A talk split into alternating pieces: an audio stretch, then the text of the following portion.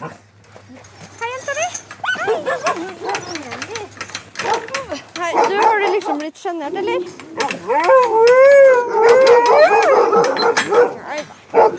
Det her er Rebekka Sammen med en masse lilla mor. Vi er på rusinstitutionen der Rebekka bor. Her bor ungdomar som sliter litt med å leve livet sitt. Och her bor også et femtitall hasker. Rebekkas elsklingshund Nemi logrer lykkelig rundt hennes ben. Hunder er beste terapien. For da vet jeg at det er noen som jeg må ta vare på. Og så er det jo godt selskap.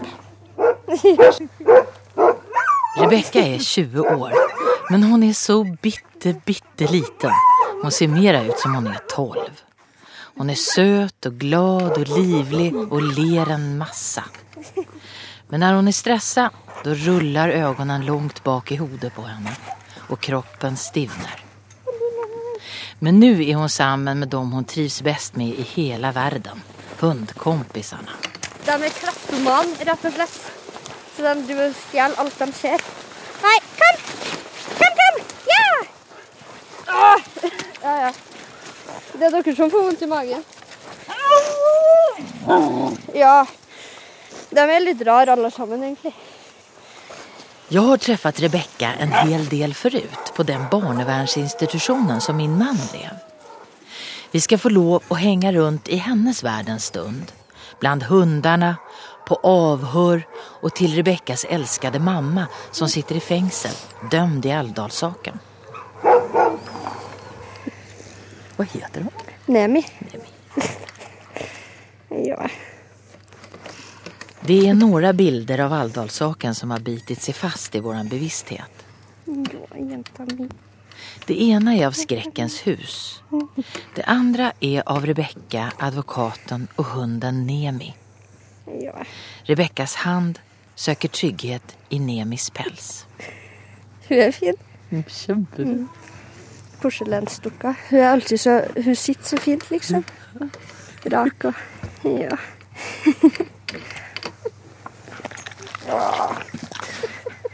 Takk skal du ha. Nå må jeg fikse sminken din, da.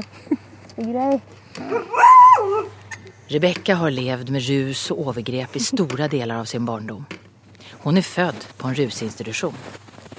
Når barnevernet i Alvdal overtar omsorgen for henne er hun tolv år. Hon har då bodd som nabo till Skräckens hus i tio månader. Men exakt vad som skedde i det huset, det kommer inte fram förrän flera år senare. Fire barn skal være misbrukt seksuelt av sine foreldre, stefar og naboer. Barna var mellom 6 og 11 år da overgrepene skal ha pågått gjennom flere år. Det dreier seg om grove seksuelle overgrep mot fire barn, eller medvirkning til slike overgrep. en mor og en stefar som er funnet skyldige i grove seksuelle overgrep mot sine egne to barn og naboekteparets to barn.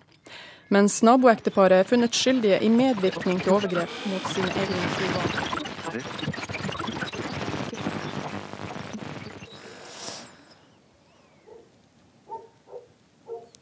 Jeg får ikke lagt det bak meg. Det har ødelagt meg. Psykisk på alle måter.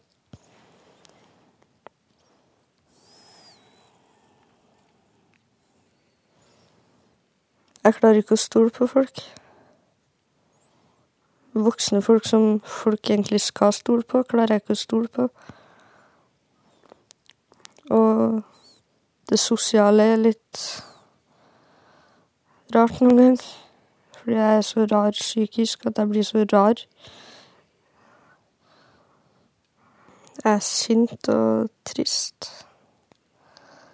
For hvis jeg blir nok lei meg, så går det over til å bli sinne. Da hadde jeg rusa meg. Bare for å slippe de tankene en stund. Jeg vet ikke.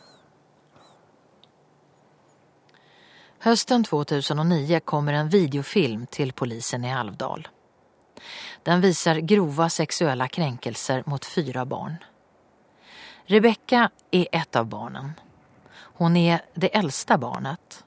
Hon är nabodattra och hon är 11 år när filmen spelas in. Jeg tenker noen gång at jeg skulle ha satt en stopper for det. At jag som var äldst av dem skulle ha gått og sagt det til noen eller noe sånt. Tenker jeg jo, men uh, jeg gjorde nå ikke det, da. Som jeg kan huske, i hvert fall. Plager det deg? ja, det plager meg veldig. Jeg har skikkelig dårlig samvittighet overfor de andre ungene og lillebroren min og sånn, for at jeg ikke sa noen ting. Men du var jo bare et barn selv. Ja, men jeg var likevel eldre enn dem. Så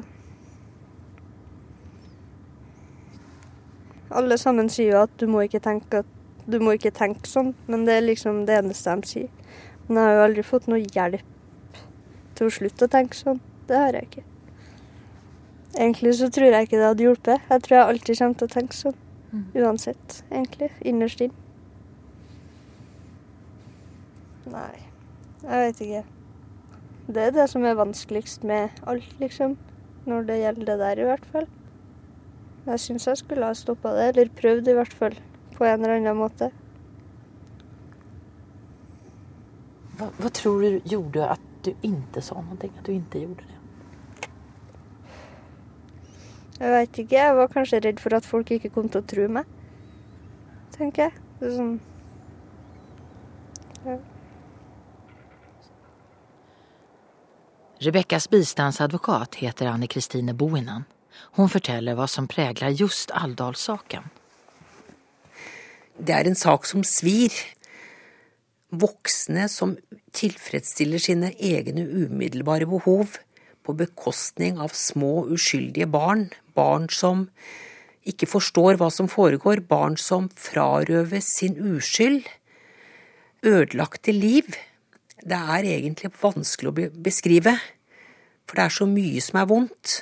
Og det er så mye som, som blir eh, helt uvirkelig. Man får en sånn uvirkelighetsfølelse. Det er en brutalitet og en virkelighet som det både er vondt og vanskelig å ta inn over seg. Jeg har egentlig ikke ord for det. Når barnevernet henter Rebekka som tolvåring så setter det en stopp for overgrepen i Alvdal. Men samtidig er Rebekka vanskelig å hjelpe. Hun har svårt å tilpasse seg og slå seg til ro. Hun begynner ruse seg som 13-åring. Og det her det blir starten på en kanossagång mellom fosterhem, beredskapshem, barnevernsinstitusjoner, psykiatriplatser og ruskollektiv. Folk må faen meg slutte å si at de skjønner For alle sammen i barnevernet og alle andre systemer og sånn, de sier at de skjønner hvordan jeg har det med hva jeg har opplevd og sånne ting, men de skjønner jo ikke. Det mest irriterende ved alt i systemet er at de sier at de skjønner, når de ikke gjør det i det hele tatt. Hva er det de ikke skjønner? Hvordan jeg har det, og hva jeg har gjennomgått, og hva jeg tenker og føler om det og sånn. Og hvorfor jeg kanskje gjør som jeg gjør enkelte ganger. Jeg tenker bare nå må jeg prøve å ikke få blackout, for jeg blir dritsur, rett og slett, når folk sier at de skjønner. De kan skjønne at jeg har det vanskelig pga. det, men de kan ikke skjønne hvordan jeg har det, tenker jeg. De siste årene har Rebecka bodd på rusinstitutionen med alle hundene. Men etter at hun fylt 20 vil ikke barnevernet lenger betale for den plassen. Rebecka har funnet en leilighet på finn.no og hun flyttet dit noen dager før sin 20-årsdag. Hvordan har du det? Det er jo både bra og dårlig, da, men Fortell hva det var som skjedde her borte. Det er altså et stort hull i din dør. Ja. Så vi er usikre på om det er jeg som laga det, eller om det er noen andre som laga det. Sånn Men det var en fest som gikk over styr. Som var her hjemme? Ja. Nei, vi tok med oss døra ut på byen. Dumma Madde. var det fyll, eller var det dop? Nei, det var bare fyll. Selve 20-årsdagen husker Rebekka ingenting av. Da havna jeg skikkelig på ruskjøret med amfetamin og piller og alt som var. Så våkna jeg opp eh, på en togstasjon, husker jeg, noen dager etter bursdagen min. Og da kom politiet, og så ble jeg tatt med hasj, og så litt sånne ting. Og så husker jeg ikke så mye mer, fordi jeg var jo på nedtur etter amfetamin. Og så kjørte jeg meg hjem igjen, og så dro de. Vi drar tilbaks til rusinstitusjonen med alle hundene for å se om ikke Rebekka kan få lov å være der en stund til i alle fall. Føler du at det er ditt ansvar at det skal gå bra for deg? Oi. Oi! uh, mitt ansvar, mitt ansvar. Det er litt mitt ansvar, men uh, jeg syns at jeg trenger hjelp til å ta det ansvaret, kanskje. Og trenger hjelp til å vises hvordan jeg skal ta det ansvaret. Det er bare jeg som kan hjelpe meg sjøl, det vet jeg, men jeg vet ikke alltid hvordan jeg skal hjelpe meg sjøl, hva jeg skal gjøre. Rebekka er ikke helt lett å hjelpe. Bistandsadvokat Anne-Kristine Boinen husker tilbake på første telefonsamtalet med henne. Da ringte jeg opp, da. Og hørte en sånn sint stemme i den andre enden. Ja, hva er det du vil? Hvem er du? Og jeg prøvde jo da å, etter beste evne, for å si det sånn, å presentere meg. Ja, hva kan du bidra med? Og det prøvde jeg også å begynne på, så siden jeg gir deg fem minutter. Ja, jeg kan bidra med å bistå deg i en rettsprosess og dokumentinnsyn og erstatningskrav og etter beste skjønn hjelpe deg i denne saken. Så sier jeg at ja, nå, jeg, nå er disse fem minuttene over, og jeg vil bare si deg én ting, Bohinen. Det er at uh, jeg hater polisen. Jeg hater rettssystemet. Jeg hater dommere, advokater og alt som følger derav. Og jeg hater kvinnelige advokater spesielt mye, men deg, Bohinen, eh, du er den verste av alle, så deg hater jeg aller mest. Så hvis du plager meg noe mer nå, så tar jeg og klipper i stykker SIM-kortet mitt, spytter på det og hiver i glomma. Og så var det pang på med røret. Men samtidig så var det jo også fordi jeg ville hjelpe denne jenta, for jeg hørte et barn, en fireåring, som skrek. Eh, det var det jeg hørte i, i den første samtalen. Jeg var bare noe nødvendig onde som eh, var, eh, var, der i samband med hele denne forferdelige saken. Men etter at vi hadde vært da i lagmannsretten på Hamar, da følte jeg at jeg var akseptert. Og nå er jeg jo kjempeakseptert, og det tar jeg som en ære. Fordi det er et menneske som ikke har hatt noe grunn til å stole på noen. Det er hennes erfaring. När rättegångarna i Alldalssaken börjar i januari 2011, sex år etter själva overgrepen, har Rebecka fylt 18 år. Og da tvinges hun mot sin vilja att vittna i retten. De satt jo og forhørte meg så det koste etter. De var, de var ikke noe greie, for å si det sånn. Det, jeg syns de kunne ha tatt det litt penere med meg. For det var sånn, Jeg følte meg jo nesten mer som om jeg var sikta eller noe, enn om at jeg var et vitne. Noen gang. Hon vittnar mot naboparet og mot sin pappa. Men hun vägrar å vittna mot sin mamma. For eh, mora mi har ikke gjort meg noen ting, og det sa jeg begge rundene. Og de prøvde å mase på meg og få meg til å snakke om hun, men det gjør jeg ikke. Jeg gidder ikke å snakke om hun når hun ikke har gjort noen ting. Men Rebekkas mamma dømmes allikevel på grunnlag av domaravhør fra et av de andre barnen. Hun döms ikke for å ha begått noen av voldtektene selv men för att aktivt ha bidragit till att det kunde ske. Rebeckas mamma menar att hon inte var medveten om det som skedde i skräckens hus. Men rätten menar att hon borde ha visst om vad som föregick och att hon inte har beskyttet barna sine nok. Hon sonar nu en dom på fem och ett halvt år. Men för Rebecka är kontakten med mamma jätteviktig. Det er mammaen min. Det er bestevenninna mi. Folk får tro hva de vil og tenke hva de vil, men jeg vet at hun har ikke gjort meg noen ting. Og ni på Bredtvet? Ja. Det ser ut som hun har det greit der, og hun blir tatt vare på. Bedre enn hun gjør når hun bor alene, for hun har jo sine problemer, hun òg. Så jeg syns nesten det er greit at hun er der, for da vet jeg at hun er trygg. Rebecka har alltid haft mye kontakt med mamma, även om barnevernet hämtade henne som tolvåring. Nu efter rättssaken reser Rebecka ofta på besök til mamma i fängelset og mamma ringer Rebecka flere ganger i uken. Men pappan har Rebecka ingen kontakt med efter rättssaken. Jeg tenker jo noen ganger at jeg hadde hatt lyst til å dra og besøke ham. Sånn bare for å si til ham hva jeg føler om det han har gjort og sånne ting. Men de andre två, da? Torturere dem litt. Det. ja, men jeg har lyst til det. Det er sånn, kanskje ikke så mye fordi hva de har gjort mot meg, men jeg tenker egentlig mer på de andre ungene, for de var jo enda yngre enn meg. Så jeg syns nesten at det er jævligere. Men Alvdal er bare en del av Rebekkas oppvekst. Anne Kristine Boinen har sett nærmere på Rebekkas familie. Ja, jeg har jo funnet en eh, historie som går i generasjoner på vold, vulgaritet, rus, overgrep, hjelpeløshet, eh, vanvittig vanskelige forhold som har gått i generasjoner. Og jeg har funnet en veldig, veldig sørgelig og tung historie. Og jeg har også tenkt at lille jentas mor og far burde også fått hjelp. At det også er offeret.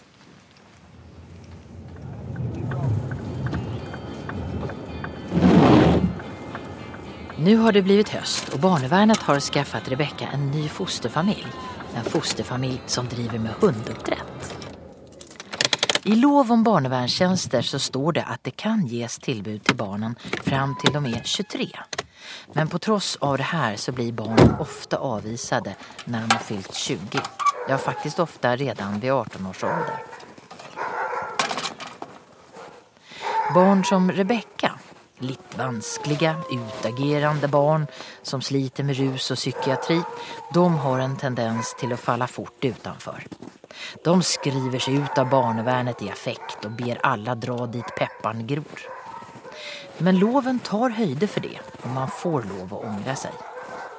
Rebekka har fått en ny mulighet på en gård midt i skogen.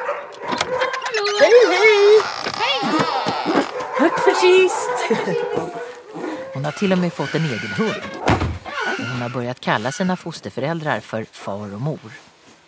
Det gikk ganske fort, egentlig.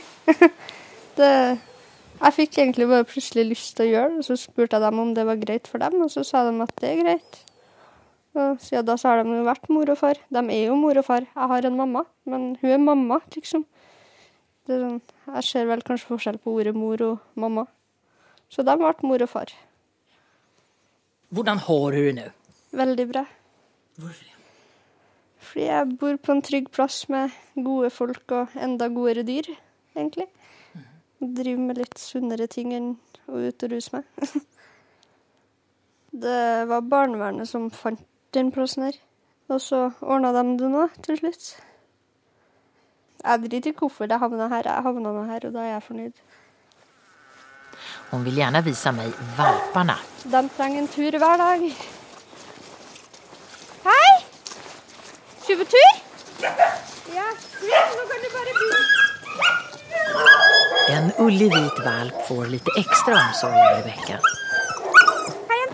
Det er hennes alldeles egen huskevalp. En tre måneders tispe som heter Strøm. Jeg fikk strøm av mor og far. Vi hadde vært på utstilling nede i Hamar eller noe sånt der. Og så skulle vi ta med to katter fra ei venninne av mor opp og avlive. For de, den ene var sjuk, og den andre var aggressiv. Og så ble jeg så lei meg for det, så jeg slo meg litt vrang. Og så sa vel mor ganske i affekt at ja, men du kan få en hund. så fikk jeg en hund, så hadde jeg egentlig lyst på Hurricane. Han der med ett blått og ett brunt øye. Men eh, han fikk jeg ikke. Men så kunne jeg få strøm, da. Klumsa. Så da fikk jeg hun. Det går fint. Hei, skjerp dere. Når du slår i vrang, hva skjer da? Nei, jeg slo meg vel ikke så veldig vrang. Jeg ble litt sånn irritert og småsur og lei meg og sånn. Så jeg gjør vel ikke så mye. Det verste jeg gjør når vi er hjemme, er vel at jeg går og smeller med dørene.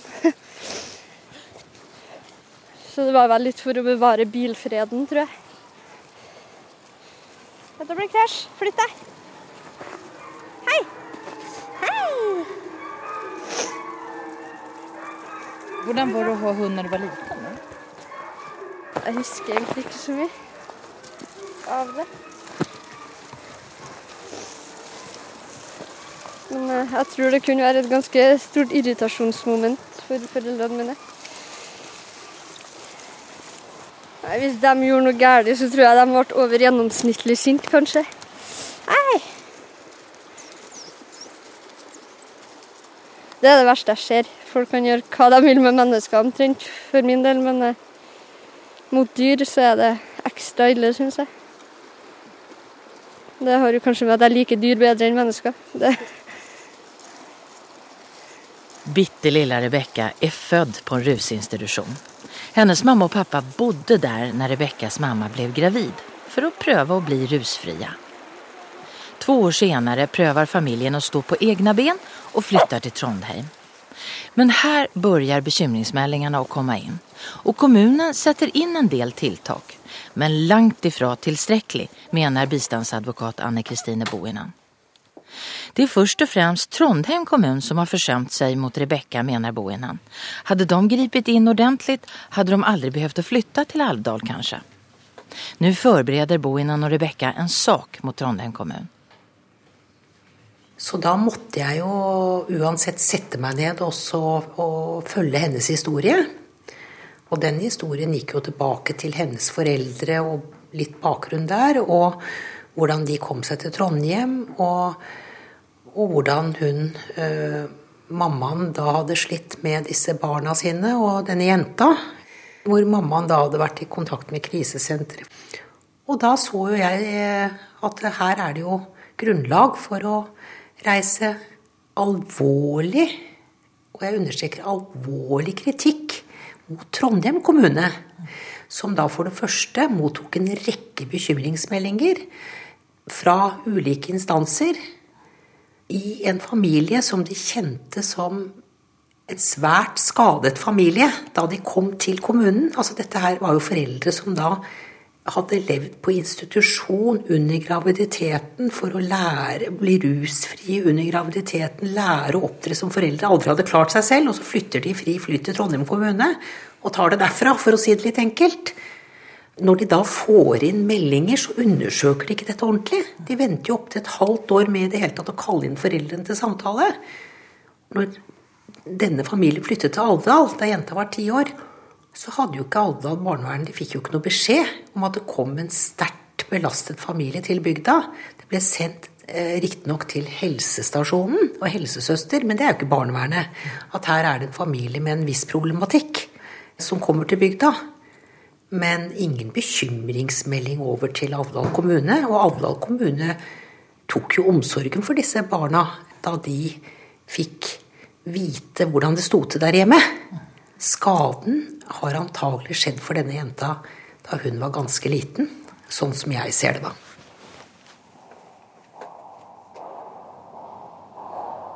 Kommunadvokaten i Trondheim skriver i sitt tilsvar at hans vurdering er at kommunen har handlet forsvarlig og innenfor loven. Han viser til at det finnes klara begrensninger for hva man får lov å undersøke innenfor husets fyra vegger, og at man må se saken utifrån hvordan den såg ut der og då. Det här betyder, skriver han, att det kommer att finnas situationer där barn utsätts för omsorgssvikt utan att det offentliga klarar att avdäcka det. Eller att man avdäcker det allt för sent.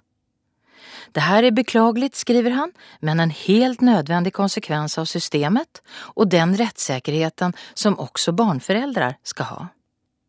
Samtidigt vill han på vegne av Trondheims kommune uttrycka den dypeste medfølelse med Rebecka.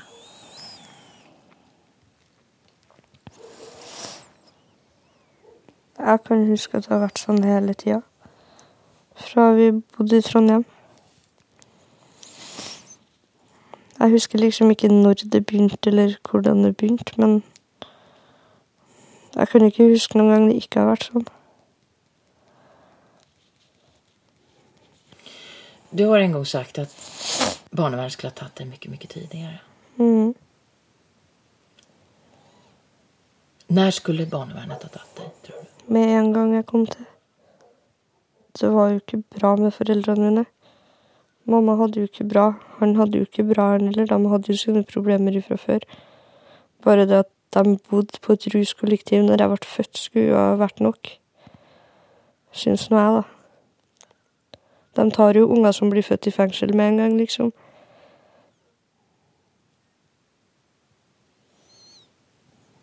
Er du aldri arg på mamma for at hun inte tog bort det derfra. Nei. Jeg er sint på fordi hun ikke tok abort i første omgang. Det er det eneste jeg kunne være sint på for.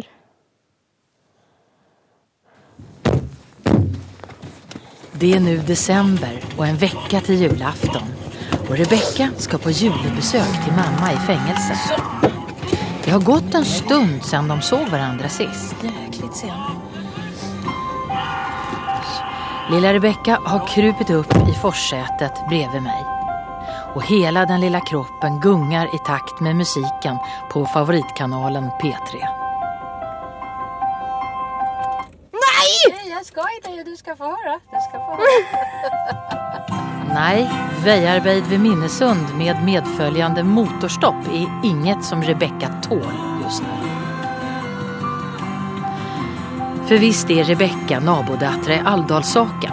Hon er övergreppsoffer, barnevernsbarn og av og til et riktig dophuvud. Jeg skal gifte meg med det bandet der.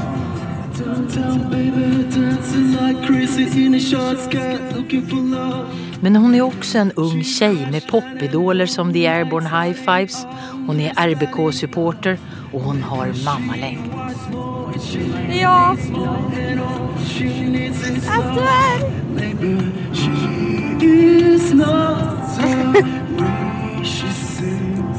Det er akkurat sånne som dem som gjør at jeg blir stolt av å være trønder. Å, me faen.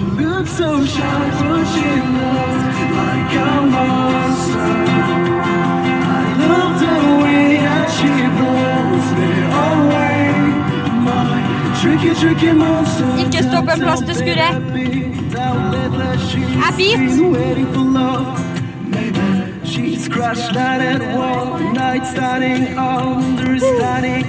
Det er mitt band, det der. Åh, jeg elsker det. Airborne high fives! Jeg gleder meg til å besøke mamma. Har du ikke vært der på en stund. Nei. Det er jo så jævla langt.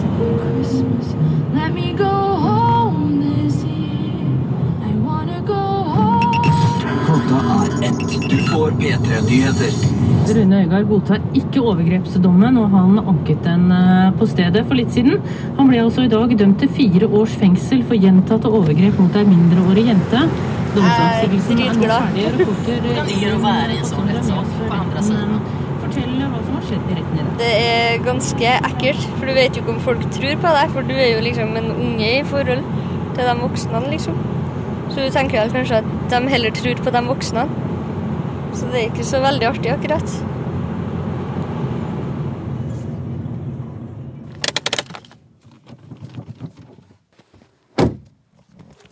Bredtvet fengsel for kvinner kallas for slottet. Men det är en samling slitna gamla murbyggningar som ligger högt uppe på en backetopp. Övervakningskameror följer oss på vägen upp från porten till den tunga fängelsesdörren. Hej, det är Madeleine Cederström. Ja, tack. Rätt innanför vakten möter Rebeckas lilla mamma oss och hon trippar av glädje. Mamman har mörkt hår, är mager, senete och lika liten som Rebecka. Ja, ja. Du kan se på henne att hon har levt ett hårt liv. Men ögonen glittrar och humorn finns där. Besöksrummet på Brättvätt. Sepiafärgade väggar, sliten gammel soffa og veldig høyt under taket. Skal du ha julegaver på forskudd, eller skal du vente til etter Se jul? der. Vi er til deg òg. Nei, så kult. jo Så vi fikk lov til å vise den frem nå, men så skulle jeg Rebecka har kjøpt en morgenkåpe til mamma. Å, ja, ja, ja, ja. Morgenkåpe er jo godt. Er det morgenkåpe? Ja. Skal jeg bruke om morgenen? Ja. Ja, det er godt å ha klokka fire om morgenen. ja, men det er jo det. Och mammas present till Rebecka är ett sällaget album till att ha fotografier i. Nei, så jævlig kult. Ja. Så stilig. Ja, ok, ikke jeg flink? Ja. Ja. Har du laga den? Ja, klart jeg lager den. Helt fra bånn. Fengslende design. Ja. Likte den. Ja. Takk. Rebekka og hennes mamma er så bittesmå at de begge to får plats i den lilla soffan. De ligger henslengt i varsitt hörn med benen flätade in i varandra. Og mens de tulleslåss så husker de tilbake på jularna når de var sammen. Det eneste jeg husker, når du var nisse. Ja, det husker jeg, for det var det året dere slutta å tro på nissen. Ja, det var rart, liksom. Mi, mi. Jeg syns det var så dumt at far din hver gang eh, julaften kom, sånn da julenissen kom, så var han ute og kjøpte VG, liksom. Tenkte jeg må prøve en ny vri, og så hoppa jeg inn på soverommet og gledde meg ut. Men jeg Du lata som, da. Vi kunne jo ditcha brillene. Og jeg hadde dem på meg. Ja. Jeg må jo si at jeg leverte riktig gave til riktig gave. Genom besøken og telefonsamtalen så vet Rebekkas mamma mye om hva som sker med Rebekka der utenfor murarna. Jeg skjønner det veldig godt. Jeg har vært der sjøl. Hva, hva, tror du kunne hjelpe Rebekka nå? Det at hun eh, hadde klart å ta imot hjelp. Og tørre å stole på folk og bli glad i folk. Og tørre å bli glad i de folkene. Og Jeg veit at det er mange som står rundt Rebekka og vil hjelpe henne. Men eh, hun må være klar for det sjøl. Og noen ganger så har jeg vært inne på tanken om at uh, hun er for ung til å bestemme sjøl, for hun, hun veit ikke hva dette innebærer etter hvert. Hun har sin måte å reagere på det, og jeg liker ikke den måten, for det, det er som å se meg sjøl i hun. Jeg, har jo rusa det bort, da. Men eh, når ungene ble fratatt oss, så fikk jeg for mye tid med meg sjøl. Så begynte det jeg opplevde i barndommen, å innhente meg om netten. Og jeg måtte bare ruse meg mer og mer for å slippe unna det, at virkeligheten begynte å ta meg igjen. Går det an å fortrenge det? Det som har skjedd? Nei. Kanskje noen år, men eh, en dag så kommer det tilbake igjen. Om du vil eller ikke. Ja, derfor håper jeg at ungene får hjelp til det de sliter med nå. Mens de er såpass unge, i hvert fall. Måten å reagere på, staheten og egenrådigheten hennes, eh, og sinnet hennes og frustrasjon. Når alt dette der eh, blir ei røre, så blir det et rent helvete rundt den røra.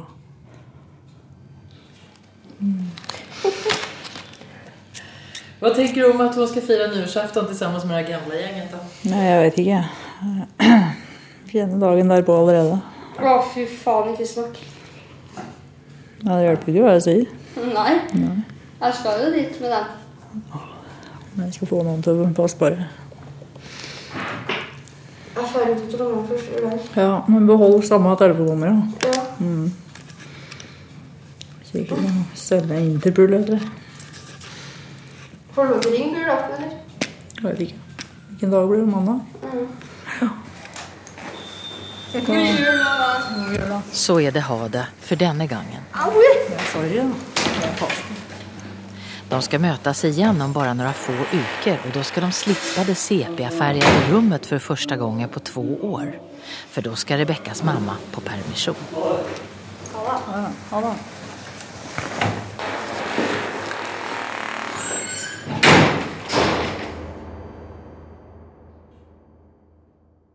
Rebecka ska fira själva julafton hemma hos den nya fosterfamiljen. Men eh, första juledag har hon tänkt att åka till vennegängen i Trondheim. Ja! Och alla runt Rebecka är lite oroliga för hur det ska gå. Hvordan blir det att fira jul och nyår i Trondheim då? Eller? Jeg skal ikke feire jula. Nej. Jeg skal bare spise mat. Men hvordan blir det att vara i Trondheim? Det blir bra, håper jeg. Nei, jeg vet at det blir bra.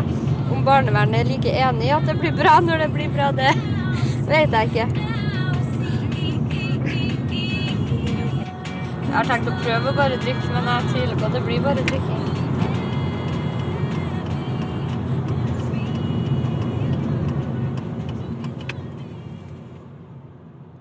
Så kommer julen og Rebekka får til vennegjengen i Trondheim. Och där spräcker hun på hasj, så som fosterföräldrar, barnevärnet och mamma fruktade skulle ske. Men så småningom kommer hon hem till gården igen och ting roar sig. Är det så här du vill ha det? Ja, absolutt sånn her jeg vil ha det. Var ska vi någonstans? Til Oslo. Vad ska vi göra där? Besøk mamma. Her ligger dere i dag, ja. Hei! I januari får Rebekkas mamma sin første perm på to år og jeg får lov å følge med dem. Rebekka og mamma gjør det som mødre og døtre ofte gjør. De drar på shoppingtur og først ute er kläsbutikerna. Ja, men mammaen din skal ikke ha noe ø, gullkjole eller sølvkjole. Det går bra. Hur ser det ut? Jeg skal kjøpe tatt. buksa. Jeg skal stjele den. Eller mener Stjel to, kjøp, betal for én. Spring ut med fire. Rebekka fyker omkring i butikkene med mamma på slep. Hun finner fram klær og sko som mamma må prøve. Du. Innimellom tar de røykepauser utenfor shoppingcentret.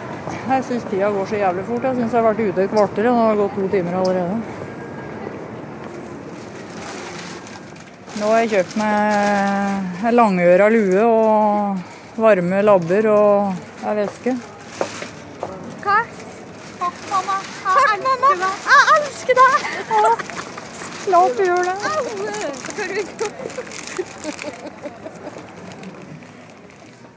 Nu har det blivit februari 2013 och Rebecca är fortfarande kvar hos den nya fosterfamiljen.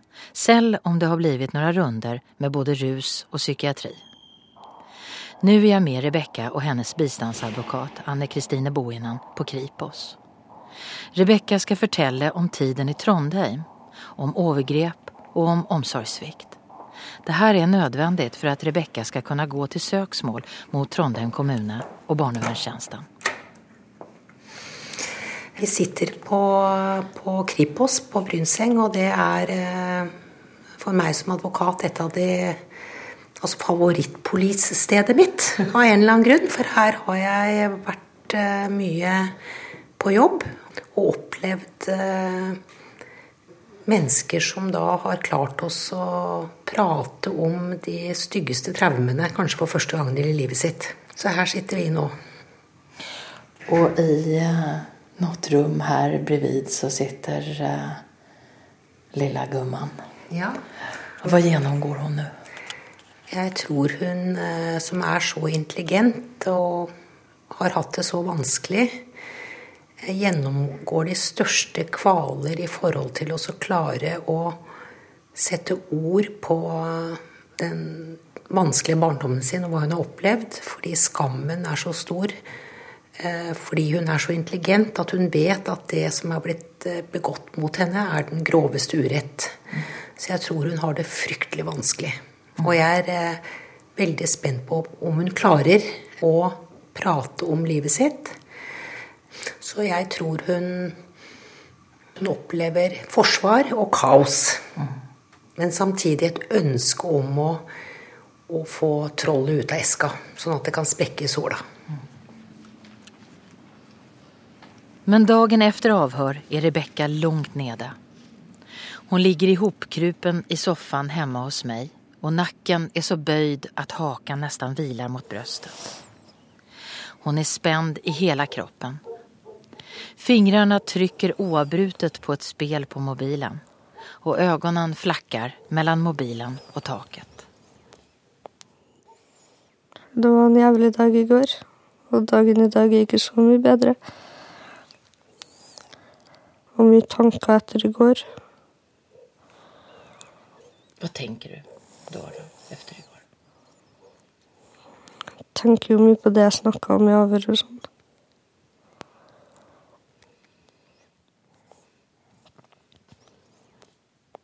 Det blir litt som å gå gjennom hele den forrige rettssaken på nytt.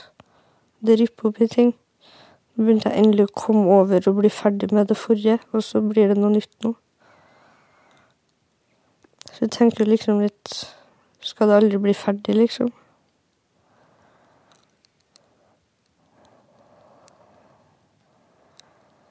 At det ikke blir noe mer. Ikke noe mer avhør eller rettssaker eller et eller annet. Jeg blir i hvert fall ikke ferdig med det før det er over, sånn. Hvorfor vil du inn i denne nye rettssaken? Helt ærlig. For pengene sin skyld. Pengene hjelper jo ikke på hva som har skjedd, liksom, men eh, det kan jo hjelpe til en ny start.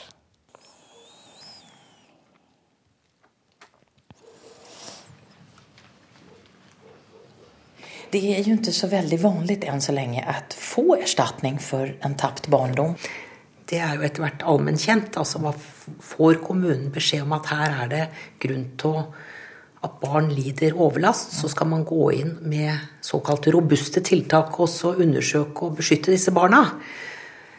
Og hva er et robust tiltak? Jo, det er et tiltak hvor man får avdekket hvordan dette barnet har det.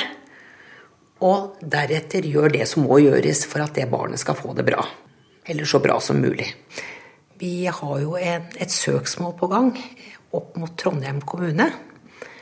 Fordi Trondheim kommune, barnevernstjenesten, burde jo ha grepet inn og hjulpet det lille barnet for lengst, sånn at hun kunne fått et annet liv. Og, men det som er det viktigste, tross alt, er at hun får anledning til å fortelle sin historie. Og få hjelp til å forsone seg med, med sitt liv. Vad, vad är det du skulle vilja få till? Å leve. Ikke eksistere, bare leve. Hva er forskjellen? Når en lever, så kan en ha det bra. Jeg vet ikke. Å eksistere bare kjedelig. Nå føler jeg at jeg ikke har noe liv, liksom. Jeg har en eksistens. Jeg bare eksisterer. Jeg bare er her. Uten mål og mening. Hva skulle få det å endre seg? Jeg vet ikke. Penger, jeg får kjøpt meg en plass å bo. Jeg har lyst til at mamma skal bo med meg når hun slippes. For det er sikkert ikke bare bare å komme ut igjen etter flere år i fengsel. Penger, jeg får kjøpt meg noen flere hunder. Og kunne reise. Jeg har veldig lyst til å reise masse. Men jeg må ha penger for det òg. Men eh, det går jo ikke uansett, for psyken min er jo så fucka at å skulle reise alene er jo creepy. Skal det en gang. Så fångar min hund Rebekkas uppmärksamhet. Du er sånn kosemonster. Hun kommer til soffan der Rebecka ligger. Hun har så fina øyne. Ja. ja. skikkelig dådyr. Hæ?